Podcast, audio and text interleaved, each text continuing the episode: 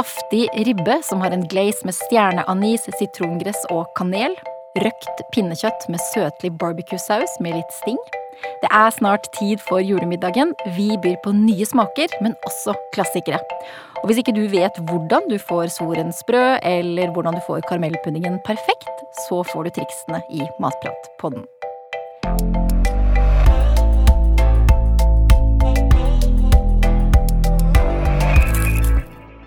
Jeg heter Katrine Ude, og sammen med meg i studio er Bjørn Tore Teigen. Hei. Hei, hei. Og Anette Fjelleng Hansen. Hei til deg. Hei, hei. Begge dere er mateksperter i Matprat. De fleste spiser jo enten ribbe eller pinnekjøtt til jul. Eh, og vi skal få masse gode tips til tilberedning for perfekt eh, julemiddag fra dere. Men aller først, hva slags eh, andre sånne deilige smaker er det som passer godt til ribbe, hvis man har lyst til å prøve noe litt nytt i år? Uh, ribba er jo så mye uh, gøy man kan gjøre med. Altså, det er svinekjøtt, det er mildt, og det, har, uh, det er saftig, spesielt ribba kanskje da. Så du kan liksom lett leke det med, med smaker til det. og da tenker jo jeg selvfølgelig at jeg tipper mot det asiatiske. Ja, det er jo en kjempeoverraskelse, Anette. At, du, at du går mot Asia, selv også når det er jul. Sjøl òg når det er jul, altså. Men du kan se for deg at hvis du steker denne ribba på veldig lav temperatur, og så glazer du den eh, med en sånn deilig glaze av soyasaus, av brunt sukker, chili, ingefær, litt sitrongress i der. Og mm. kanskje litt stjerneanis for å få fram den der lille julesmaken, da. Så blir jo den der ribba bare helt vilt god. Ja. ja. Og på denne ribba så er jo ikke fokuset på sprø svor. Det er jo heller Nei. å få fram de gode smakene. Og eh, på så lav, lav, temperatur så kan du jo også slenge den på grillen. Litt høyere temperatur, eh, men eh, det betinger jo at du kanskje har grillen stående klar. Mm, og i hvert mm. fall mulighet til å få fram med den, da. Men stekeovn og da eventuelt med grillelementer, det funker også fint på en ja. sånn ribbevariant? Ja, det funker kjempefint.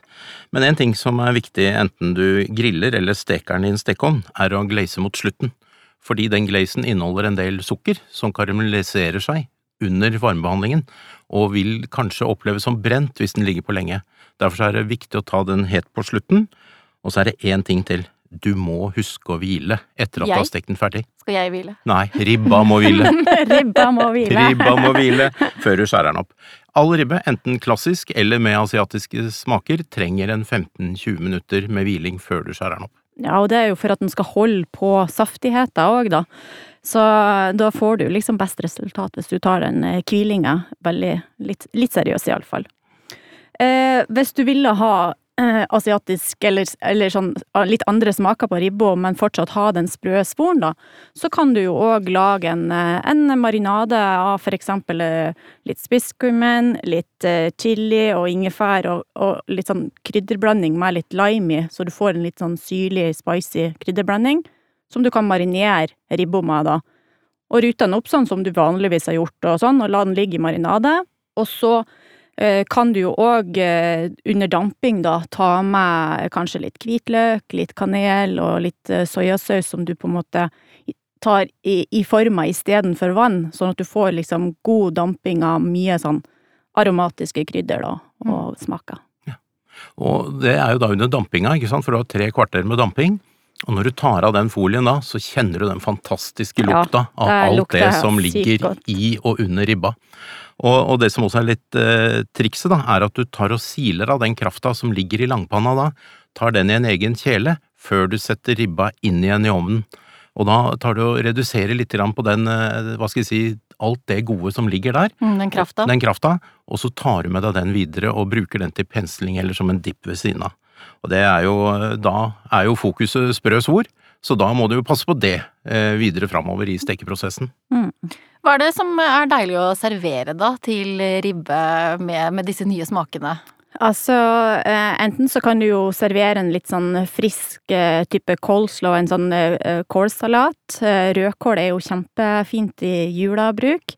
Eh, og, og, kanskje blanding av rød og hvitkål òg. Eh, lag en liten sånn frisk coleslaw med en eh, litt sånn syrlig dressing.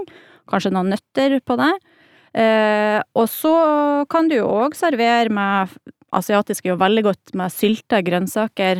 Tar en sånn 3-2-1-lake og lager noen snarsylta grønnsaker.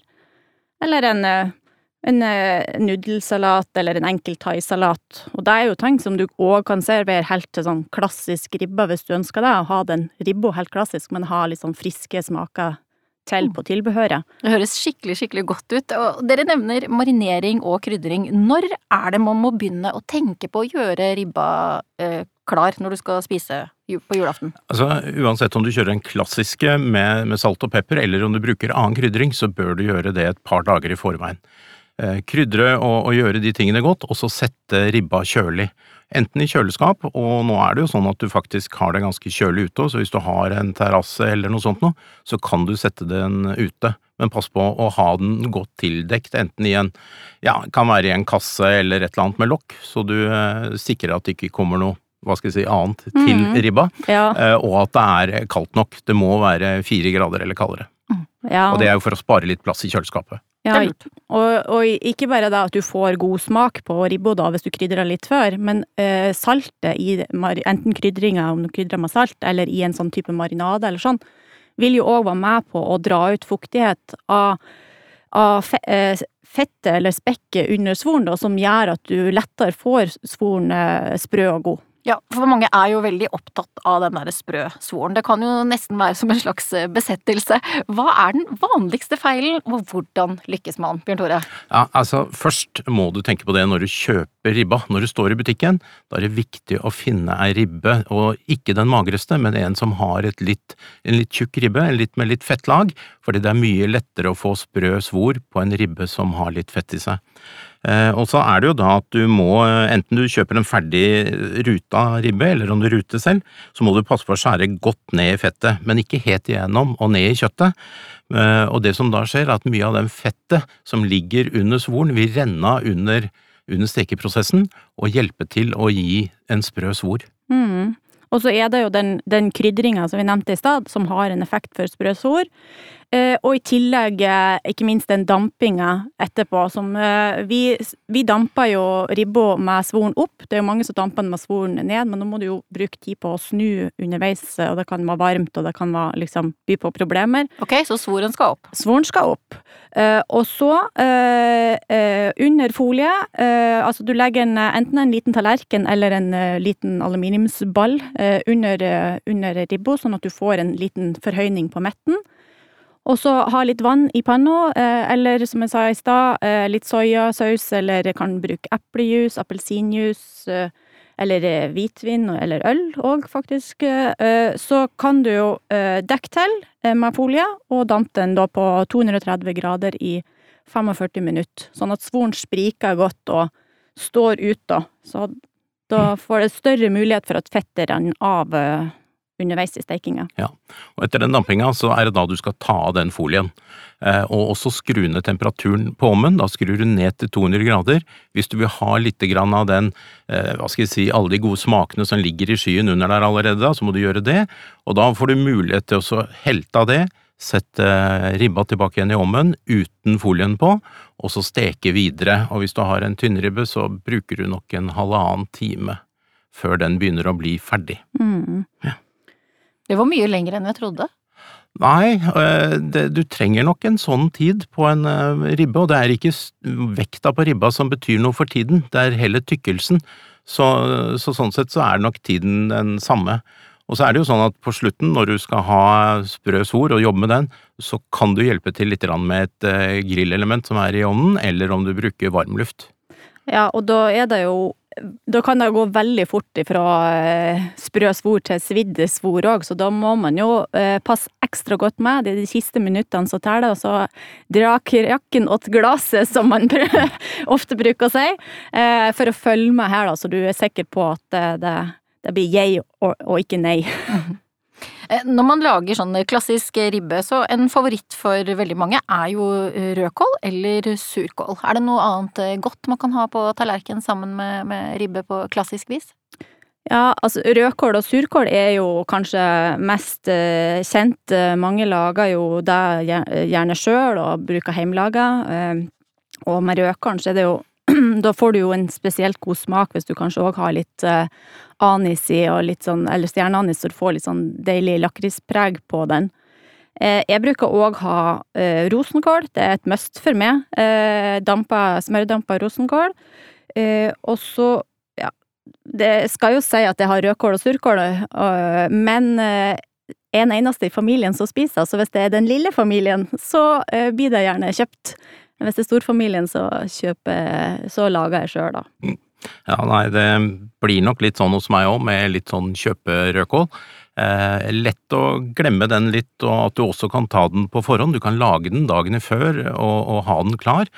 Men eh, hos oss er det sånn at vi pleier heller å legge litt sjela i medisterkaken og pølsene, og i og med at jeg er pølsemaker, så lager jeg jo det selv. Mm. Og da er det fort gjort å glemme den rødkålen litt, men og så må vi da ha sossiser til, da. Hjemme hos ja, meg så er det et must. Det, det er et must hos meg òg. Ja. Sossiser er nesten like viktig som ribbo, faktisk. Ja. Mm. Hva med saus, da? Ja, Sausen den kan du jo enten eh, bare bruke den ribbeskyen sånn som den er, eh, eller du kan lage jevning, ei brun jevning, eh, smør og mel som du bruner i panna, og sper i med den her enten brun kraft sånn, og skyen fra ribba, eller, eller bare bruke ribbeskyen. Da får du jo litt feitere saus, da. Man kan jo selvfølgelig bruke en, en ferdigkjøpt saus som man òg bare sper litt ribbekraft i, så er jo det en lettere utvei òg, da. Og så sånn et lite tips til, for det, antageligvis så får du en perfekt sprø svor. Men sånn, eh, ta med oss noen andre ting. Jeg har dansk kone, og hun er vant til å ha potetchips ved siden av. Og det er også crunchy og, og sprøtt, og litt av det salte. Alltid godt å ha godt med det ved siden av, for det, hva skal jeg si, hvis du tar en ribbebit, så er det veldig fort gjort å spise opp den sprø svoren, og så ønsker du noe mer, og da kan du supplere med litt sånn sprø potetchips. Morsomt. jeg har slekt fra Vestlandet, så vi spiser pinnekjøtt, og jeg må innrømme at jeg år etter år så har jeg spist pinnekjøtt på, på den helt tradisjonelle måten. Hva slags smaker passer godt til pinnekjøttet, om man vil driste seg til en, nytt, en litt sånn ny vri på smakene? Ja, der er det jo òg det liksom det salte og litt sånn eh, gode kjøttet som kler en sånn, eh, en sånn søtlig gleis, sånn som, eh, sånn som ribba. Her kan man jo gå mange veier, men jeg bruker jo ofte å lage en sånn type pepperkrabbe. Det er jo mange som kanskje kjenner til. Og hvis du bruker den, den type glazen som du bruker på krabben, til å bruke den på pinnekjøttet, så blir det en Ja, du får en fantastisk eh, smak. Du får litt sånn litt salt, eh, litt syrlig eh, og litt søtt og ja Og hete. Og hete. Litt pepper, eh, pepper gir litt hete, så det er absolutt Og ja, balanser med litt eh, syrlige ting der òg, så da, da har du den. Eh, og pepperne, de kan du jo riste i ei tørr panne eh, først, sånn at du får fram eh, veldig god aroma og god smak òg før du knuser de og blander de i gleisen, da. Og, og, her kan du også dampe pinnekjøttet ferdig dagen før, så du liksom har alt klart, og så kan bare varme opp på den dagen du skal bruke det. Det var veldig lurt triks. Blir det like godt? Ja, det gjør det, og det er jo liksom den dampingen før, det tar jo litt uh, god tid, uh, så det tar jo sine tre timer. Og derfor så trenger du bare oppvarming dagen derpå, og da får du liksom raskere på. Og da har du også mulighet til å lage den ferdig glazen og gjøre siste finish uh, før du skal spise. Så også her smaker det nok, hvis du skal bruke litt sånn andre smaker, så er nok et urøkt pinnekjøtt å anbefale. Ja, det er jo veldig mye smak i sjølve sausen der, da, så I den glazen? Ja, i den glazen, mm. da. Så da, har du nok rett i at det ikke er eh, lik Altså at heller pinnekjøtt naturell, hvis man kan mm. kalle det det, eh, der. For der er det jo både den rista pepperen, det er chili, det er ingefær, og det er hvitløk, soyasaus, selvfølgelig, mm. koriander mm. Så der er mye smak, da. Ja. Men hvis du har et uh, røkt pinnekjøtt, så kan du eventuelt gå barbecue way, og, mm. og bruke litt barbecue-saus etter damping. Litt sånn American style på norsk pinnekjøtt. Eh, og du kan også ta den siste finishen på grillen, eller under grillen i stekeovnen. Eh, bruk en ferdig barbecue-saus, eller du kan lage din egen. Og jeg pleier å lage en helt sånn superenkel med fire ingredienser. Det er ketsjup, brunt sukker, tabasco og kaffe. Og det er jo ting som aldri slår feil, og smaker du kjenner igjen. Ja, den, den, er jo kjempeenkel, den sausen. Og den eh, Du får en liten sånn litt sånn søtlig smak med litt sting, litt, eh, eh, litt hete fra den tabascoen. Og passer kjempebra til det salte kjøttet. Det her fikk jeg utrolig lyst til å prøve, for jeg elsker eh, pinnekjøtt. Og jeg spiste det for noen dager siden, for jeg, jeg klarte ikke å, å, vente helt til jul. Eh, hva er det man skal servere da til pepperglasert eller sånn barbecue-pinnekjøtt? Hva passer som tilbehør? Altså, til barbecue-pinnekjøtt så må man jo selvfølgelig kjøre en eh, coleslaw. Jeg liker jo best å lage de kanskje basert på rømme og kanskje bare med litt majones, sånn at de blir litt lettere og ikke så feit. Og få fram eh, rødkål og gulrot, kanskje, som gir litt sånn fin farge på det. Og, og, som er i sesong, da. Og så bruker jeg ofte å ha litt sånn eple i for å få litt friskhet òg. Eh, som òg er godt til det salte og, og søte kjøttet. Og så til den pepperglaserte så tenker jeg en sånn uh, nudelsalat. Kanskje med litt julienne-grønnsaker som har litt sånn frisk mango, uh, litt uh, sylta gulrøtter, og i sånn tynne juliennestaver. Uh, eller litt fennikel som har litt sånn uh, lakrispreg på det seg. Hvis det er veldig kult å tenke på nye smaker på såpass sånn tradisjonsrik mat. På mango og pinnekjøtt, det må jo mm. være en vinner. Søtt og salt. Ja. Er det, er det liksom annen type fremgangsmåte, eller er det samme opplegg med vanning og damping? Uansett om du skal spritte opp julen med noen nye smaker, eller lage den klassiske Eh, pinnekjøttet, så er utvanning og damping viktig.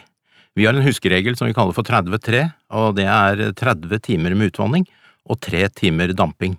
Og det er 3 timer damping eller til kjøttet slipper beina. Mm. Og det er en enkel måte. Da er det å se at det er klart, da er det klart, liksom. Og den lange utvanningstida, den anbefaler vi for at kjøttet skal få tilbake mye av saftigheten og oppleves som mørere når du spiser det. Og så er det jo det at eh, jo mer du vanner ut, eh, jo mindre salt vil du også kjenne, da. Altså den saltsmaken kan bli litt mye, og da er det lettere å få en mer balansert smak på det når du vanner ut godt. Mm, men det er jo mange som mener noe om denne utvanningstida, det er jo litt diskusjoner rundt den. Men det er jo som Bjørn Tore sier, at, at eh, jo, du trenger jo den lange utvanningstida for å få fram tilbake saftigheten og mørheten i kjøttet. Så hvis du ikke vil ha liksom tørt og saltkjøtt, så trengs det. Og så kan du jo alltids balansere eh, eh, saltmengden med, i tilbehøret, litt saltere tilbehør, eller eh, krydder etterpå hvis eh, det skulle være for lite salt i, i kjøttet. Ok, så jeg gjentar den der huskeregelen. Dere sier 30 timer utvanning av pinnekjøtt, og så sa du 3 timer damping. Ja. ja. Må man ha sånne bjørkepinner da, når man skal dampe pinnekjøttet? Nei, det behøver du ikke bruke, men mange bruker det, så det er helt ålreit. Eller du kan bruke en rist. Eller så kan du gjøre som jeg gjør, jeg damper det på potetene. Jeg legger potetene i bånn, eh, og så blir det jo mindre oppvask, du sparer jo ei gryte. Eh, og så legger du da, hva skal jeg si, pinnekjøttet oppå og, og damper da på potetene. Mm, og da kan du jo enten bruke eh, vann, eller jeg vet ikke om du husker det, men en gang vi dampa, så dampa vi altså i appelsinjuice, og de potetene da, mm. det er noe av det villeste jeg har smakt. Det var så sykt godt, så eh, det er absolutt en, et, uh, noe vi kan anbefale. Så enten i vann, appelsinjuice, du kan dampe i i eplejus eller, òg øl. ja, en, en bayer har aldri å fornekte som dampemiddel. Mm. Noe av det som jeg liker aller best med pinnekjøttet, det er jo at det er veldig enkelt tilbehør, og kålrabistappe det er så himla godt. Hva er deres triks for å få den, den litt søte stappa perfekt? Ja, noen, noen, lager den jo bare med kålrot, eh, kun det. Eh, men jeg liker jo kanskje å ha i både litt gulrot og litt eh, persillerot eller pastinakk for å få både litt mer smak, men òg litt mer farger på sjølve stappa. Eh, og koker grønnsakene mør, eh, heller vannet og kanskje damper de litt tørr, sånn at du får eh, Får du dampa de litt før du liksom kjører de med stavmikser eller blender, så blir den ikke så vassen i smaken, og du får frem mer smak. Og så eh, ja, i en runde i blender, som jeg sa, eller, eh, eller stavmikser hvis du har det. Og så, hvis du vil ha den ekstra smooth eh, og fin, så kan du òg presse den gjennom ei, ei, sikt for å få den helt sånn Men der er jo veldig store forskjeller. Noen vil jo ha det litt sånn chunky og, og litt bita og bit i. Noen vil jo ha litt typ mot barnemat-varianten. Så Og så, når du har gjort det så uh, tar du i litt uh, smør, selvfølgelig. Uh, rører inn litt godt med smør. og der kan du jo òg gjerne bruke Altså, det blir jo heller ikke feil. Nå begynner jeg å si at eh, koriander ikke er feil, men, men det her er heller ikke feil, for litt sånn eh, brune, brune smør så du får fram en sånn nøttesmak i smøret, og rører deg med det, så får du litt ekstra god smak på stappa òg. Ja, og du kan også i den stappa bruke litt av skyen fra pinnekjøttet, mm. for da får du litt av de smakene der òg. Men uh, pass på lite grann, for da ikke, ikke, ikke salte og krydre så mye før du Nei. har smakt på den med skyen, for det kan ligge litt salt i den så du ikke har for mye. Så det er viktig. Hvis man har lyst på noe helt annet enn ribbe og pinnekjøtt på julaften, hva anbefaler dere som gode alternativer, og som er en festmiddag verdig? Ja, da er jo kanskje eh, reinsdyrfilet eller en, en, litt sånn god, ordentlig god biff eh, et godt alternativ, da. Eh, med litt glaserte grønnsaker, en deilig rødvinssaus eller eller Ja, nå greier jeg ikke å henge med Nå er jeg hengt opp i det her nøttesmøret, så En pastinakkpuré og det der utrolig gode nøttesmøret med litt sånn hasselnøtter, det er jo heller ikke feil, altså. Ja. Nei da, og det er jo litt sånn mindre stykker, så det er jo lettere å tilberede, mm. eller i hvert fall det tar kortere tid. Og så er det jo også det å brune det i panna først, og så kan du eh, steke de ferdig i eh, langpanna i ovnen. Og da kan det også være veldig lett å lage til mange, og da får alle samme stekegrad, liksom, altså det blir veldig jevnt og fint. Og hvis du skal ha biff, så kan du jo også gå for litt sånn større, litt det jeg kaller eksklusive stykker, sånn som en, en stor tomahawk, og kanskje også noe som er tørrmodna, altså noe produkter eller en, en biff som har litt intramuskulært mm. fett, som det heter da. En T-bone ja. eller sånn òg. Og, og, gjerne litt stor, så kan du jo heller ha en sånn sharing hvor det er flere som deler på én, for de jo, veier jo lite grann. Hva med fisk og, og skalldyr da, på julaften? Da er jo kanskje aller mest eh, Det som er mest poppis, er jo kanskje kveite eller torsk, lutefisk òg, for den saks skyld. Eh, eller eh, du kan jo òg fleske til med en liten hummer, det er jo ikke feil. Hvis det skal være litt ekstra fint. Til kveite så kan du jo servere sandefjordsmør og litt dampa grønnsaker. Torsken er jo veldig mange som spiser med sprøstekt bacon og en sånn skikkelig sånn kraftig Altså en ertepuré med frosne erter, så du får liksom en sånn ordentlig fin grønn farge på. Og det er lekkert mot den hvite fisken. Absolutt. Mm. Absolutt. Og godt òg, ikke ja. minst. Og så er det jo noen som, som, spiser vegansk eller vegetarisk, eller man kan få gjester som spiser det. Hva er liksom veggis eller veganfavoritt nummer én på julekvelden, Anette? Eh, hvis det er flere som skal spise, så er det nok kanskje enklest å lage en sånn type nøttesteik. Eh, altså masse deilige nøtter, tørka frukt, eh, litt ris og litt sopp og urter som persille, timian, rosmarin. Eh, og da eh, altså kjører det her sammen til ei god blanding. Vi har jo, jeg husker ikke alle ingrediensene nå, men det er ganske mye som man blander godt sammen til en sånn god, deilig farse som man eh, lager i ei form og steker i ovnen på 180 grader i 45 minutter sånn, så kan man jo eh, ha den klar òg. Eh, man slipper litt stress hvis man har få gjester som spiser vegetarisk. Ja, ja, og den kan helt klart lages eh, dagen i forveien. Og da sparer du, som du sier, mye stress da, mm. for, for, hvis du skal lage dette her til én eller noen få gjester. Og du kan også lage vanlig ribbe og pinnekjøtt med alt det tilbehøret som du vil ha der, og så kan du, for å, for å unngå å lage altfor mye ekstra, kan du lage en liten rett av dette her som er vegansk, som du kan eh, Som ligner ribbe, eller om det kan være mot pinnekjøtt. Så det fins jo noen muligheter der. Ja, det har jeg ikke hørt om før. Hva slags retter er det man kan lage som kan eh, være vegansk og ligne eller minne om pinnekjøtt eller ribbe? Altså hvis du har en, en eh, Hvis du vil ha en rett som ligner litt på ribba, da, så er det jo mange soyaprodukter eller sånn vegansk farse, veganske eh, burgere, som eh, du kan blande og, og med litt julekrydder. Blant annet litt Five Spice for å få fram litt sånn julesmaker. Og så eh, bruker du Jeg brukte en type loff eh, som du legger ned i ei form, og legger det her lagvis med en sånn eh, Eh, med en sånn eh, kokos- og rismelblanding annenhver, altså annenhver, mm. kan jeg si, i form. Eh, da vil jo den, den loffen framstå som en liten sånn sprø svor, og så vil jo eh, den kokos- og rismelblandinga eh, være litt som, mer som på fettet på ribba, da. Så da får du en rett som kanskje ligner på ribba, og smaker litt lik ribba, men det er jo ikke akkurat ribba. Men sånn, ja. Og kan man gjøre dette med, med pinnekjøtt, da? Ja, med pinnekjøttet så øh, kan man jo bruke en sånn type omf eller noe sånt, og så øh, kanskje litt øh, røykolje. røykolje? Røykolje for å få frem en litt sånn røkt smak, da.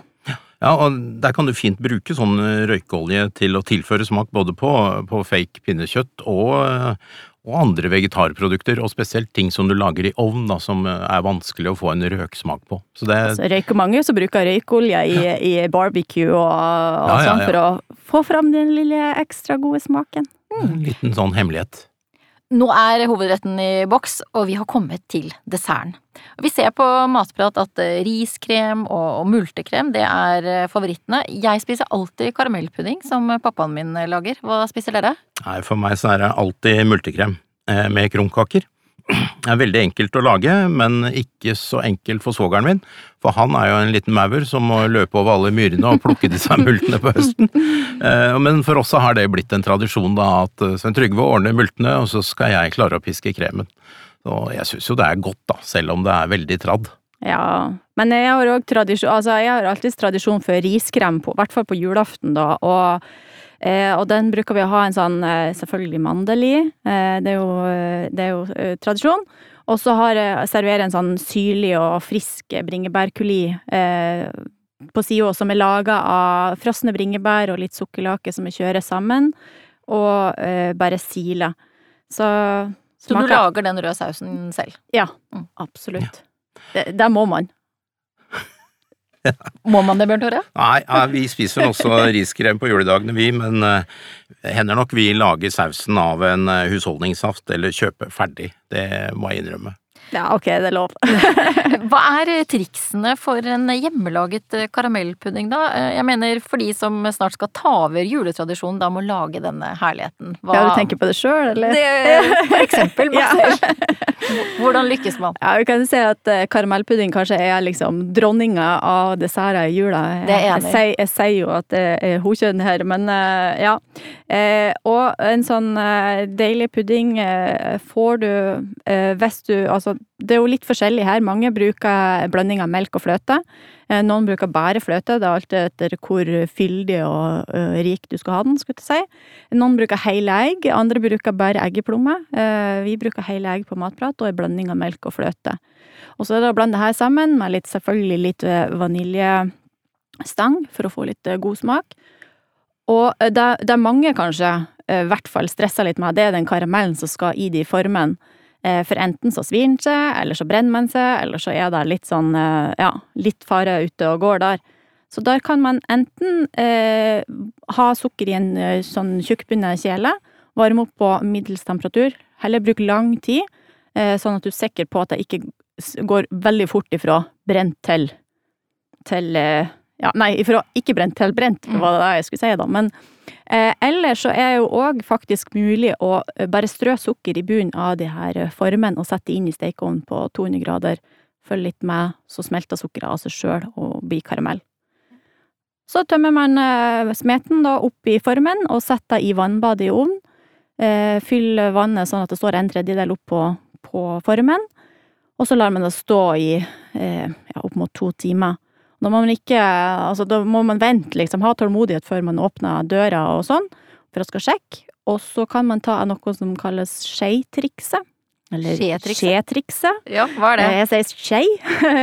Eh, det er at du tar baksida av ei skei eh, og, og, klemmer litt ned på midten av, av puddingen. Da skal den gi litt etter. Og da kan du sjekke at den er ferdig. For den vil fortsette å stivne i kjøleskapet eller i, når du setter den kaldt etterpå. Sånn at ja.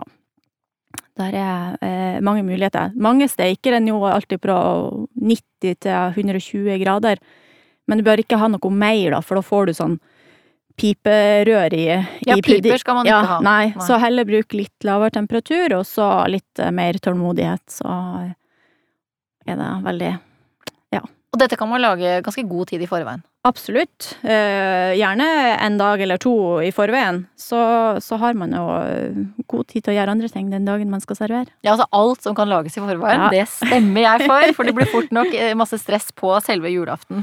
Ja, Det der med karamellpudding kan nok være litt avansert for mange av oss, men vi kan jo også lage verdens enkleste dessert til julaften. Og det er jo noe som alle liker, og jeg tror spesielt de yngre setter pris på den, og det er iskake à la Anette. ja. ja eh, jeg, jeg, skal ikke si at jeg er kjent for mine iskaker ennå, men eh, for mine nære så er jeg kjent for de. For eh, det er faktisk desserten som er helt fantastisk å ha i, i baklommen, skulle jeg si, når man får gjester, eller må lage en dessert ganske kjapt. Man tar altså en isboks, gjerne to liter hvis det er flere gjester, snur den på hodet på et serveringsfat, eh, og hvis at du ikke får ut isen, så kan du på en måte dyppe den litt i vann. Så har du sånn ca. sju minutter å pynte på før den her eh, Har du tatt tida? Ja! før eh, du da eh, må servere den før den begynner å smelte. Og eh, det jeg bruker å gjøre, barneversjonen, det er altså å toppe den med masse popkorn, masse deilig eh, julegodt. Enten eh, altså du kan ha litt pepperkaker, du kan ha litt eh, marsipan, du kan ha masse ja, Nonstop for den saks skyld. Jeg er ikke så glad i Nonstop, men noen liker jo det til jul. Eller du kan lage en litt mer sånn eksklusiv variant og kanskje sette uh, Goro julekaker rundt hele isboksen, uh, altså ja, isen, uh, for å få en sånn fin ramme rundt. Og så pisker du litt marengs og, som du har på toppen og brenner av, så får du en liten sånn nyttårs... Sett en liten sånn fyrverkeri oppå der, så, så har du nyttårsdesserten i boks. Ja, nydelig, Anette. Jeg liker sånne supre triks som krever lite innsats. Men nå er det jo én ting vi vet med jula. Det er jo at mange kjøper inn og lager for mye mat. Hva er tipsene for å spise opp restene av julemiddagen? Altså hvis du, Pinnekjøtt er jo noe som du gjerne har noe rester av, og blir litt sånn hva skal jeg bruke det til? Da har vi et sånt kjempetips, og det er å lage pinnekjøtt i vaffel. Eh, det er jo verdens enkleste resterett, og utrolig god. Og det er jo rett og slett at uh, vaffel kan det jo hende at du lager uansett, men iallfall lage noen vafler.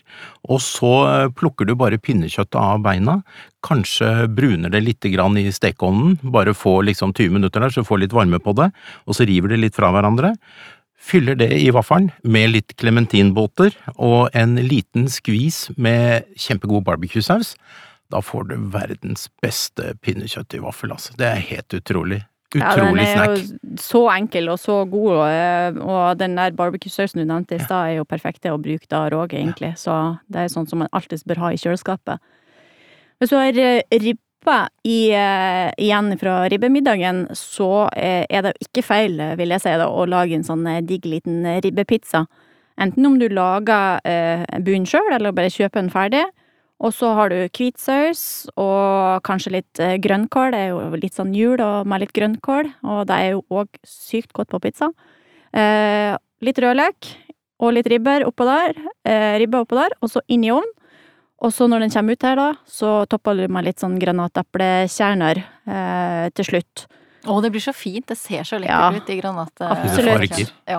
Eller du kan lage en sånn type eh, ribbegyros. Det er jo mange som gjør. Litt sånn mjuke, deilige lefser som du fyller da med ribbe som er liksom smaker fra Middelhavet. Du har stekt dem med litt løk og litt hvitløk, kanskje litt oregano og rosmarin i bare ei panne.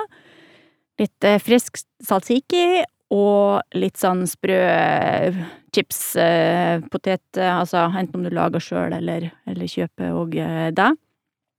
Og det er bare pakka sammen, kanskje ha litt fetaost på toppen der òg, det er jo heller ikke feil. Og pakka sammen, altså veldig enkelt og egentlig veldig godt.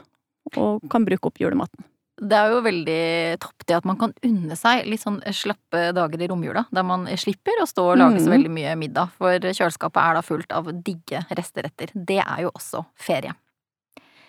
Tagg oss gjerne på din julemiddag, eller bruk hashtag matprat. Og har du spørsmål du vil at vi skal ta opp her i Matpratpodden, så send oss gjerne en e-post på post eller send oss en melding på Facebook eller Instagram.